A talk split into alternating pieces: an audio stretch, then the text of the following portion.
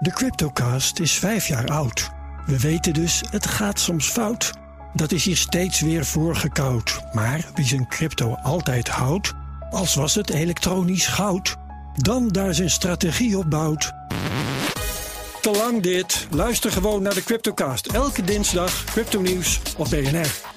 De Cryptocast, voor jong en oud. Cryptocast wordt mede mogelijk gemaakt door Bitfavo, de crypto-exchange van Nederland. De column van Paul Lasseur. Voor verkeersvliegers is het maken van een doorstart een standaard manoeuvre, die eindeloos in de opleiding is geoefend. Voor de passagiers is het een heel ander verhaal. Je houdt letterlijk je hart vast wanneer de ingezette landing vlak boven de grond wordt afgebroken, de wielen al uitgeklapt en het toestel op het allerlaatste moment met gierende motoren weer het luchtruim kiest. Ik heb het één keer meegemaakt op vliegveld Innsbruck, een kleine luchthaven gelegen in een dal omringd door besneeuwde bergtoppen. Voor de piloot een routineklus, maar in de cabine werd hardop gebeden en gegild. Op zo'n moment ben je blij dat de meeste piloten in de cockpit over stalen zenuwen beschikken. Jammer alleen dat ze diezelfde onverschrokkenheid ook meebrengen naar de onderhandelingstafel, waar de toekomst van heel KLM op het spel staat. Minister Hoekstra van Financiën bepaalde dit weekend dat er voorlopig geen staatssteun meer komt, omdat de pilotenbond weigert in te stemmen met het in ruil daarvoor geëiste loonoffer. En zonder de miljarden van Hoekstra koers KLM af op een faillissement. De druk op de 3000 piloten wordt daarmee steeds verder opgevoerd. Maar ze zijn erop getraind om juist onder extreem hoge druk niet te bezwijken.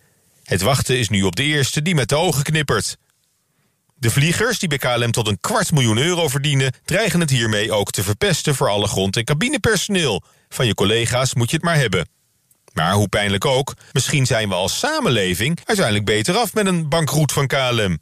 Technisch zijn ze al failliet. Het enige wat nog nodig is om definitief op de fles te gaan, is dat Wopke Hoekstra het miljardeninfuus afkoppelt.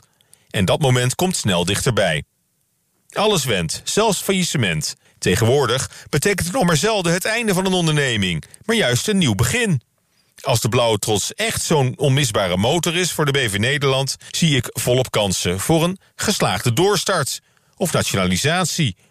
In afgeslankte vorm en met een nieuwe strategie, helemaal opgefrist, zonder lastige schulden of overbetaalde piloten. Een droomklus voor bankiers en advocaten. Natuurlijk, waar gehakt wordt, vallen Spaanders. Bij elk faillissement zijn ook slachtoffers te betreuren. Maar met 3,4 miljard euro valt het leed vast wel te verzachten. Het is nu zaak alle emoties uit te schakelen om een veilige doorstart mogelijk te maken. Het failliet van een nationale luchtvaartmaatschappij is ongetwijfeld een traumatische gebeurtenis, maar niet onoverkomelijk. Begin deze eeuw werden Sabena in België en Swissair in Zwitserland al door hetzelfde lot getroffen. Voor zover ik kan nagaan, heeft van beide landen de bereikbaarheid door de lucht daar niet onder geleden. Prettige maandag! De Cryptocast is vijf jaar oud. We weten dus, het gaat soms fout. Dat is hier steeds weer voorgekoud. Maar wie zijn crypto altijd houdt, als was het elektronisch goud, dan daar zijn strategie op bouwt. Te lang dit. Luister gewoon naar de Cryptocast. Elke dinsdag crypto-nieuws op BNR.